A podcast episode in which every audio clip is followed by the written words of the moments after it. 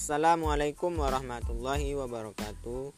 Saya Ferdi Anggriawan dengan nomor induk mahasiswa 12 08 01 10 841 dalam program studi peternakan di salah satu universitas Indonesia UIN Suskariau. Saya akan menjelaskan penyakit antraks pada sapi. Penyakit antraks adalah infeksi bakteri serius yang disebabkan bakteri Bacillus anthracis. Antraks adalah penyakit menular yang akut atau perakut. Bisa menyerang semua jenis ternak yang berdarah panas, bahkan manusia. Penyakit ini bisa mengakibatkan angka kematian yang tinggi.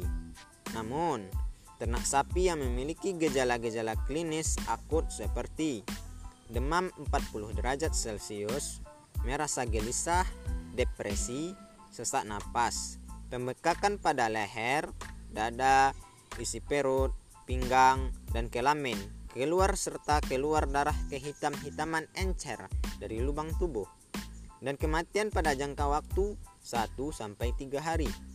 Selain itu, ada yang memiliki gejala kronis, yaitu terdapat luka lokal di lidah. Penyakit berakhir 10 sampai 36 jam atau berangsur sembuh bila infeksinya kronis yang ringan. Jika gejala pada kulit, maka hewan tersebut akan mengalami pembengkakan pada beberapa bagian tubuh pada sapi. Instansi Balai Besar Veteriner Wetes Indarto Sudarsono memaparkan beberapa pengendalian penyakit antraks.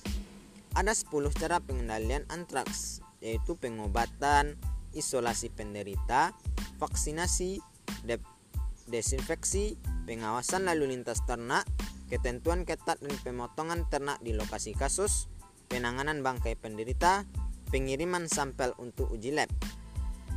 Assalamualaikum warahmatullahi wabarakatuh.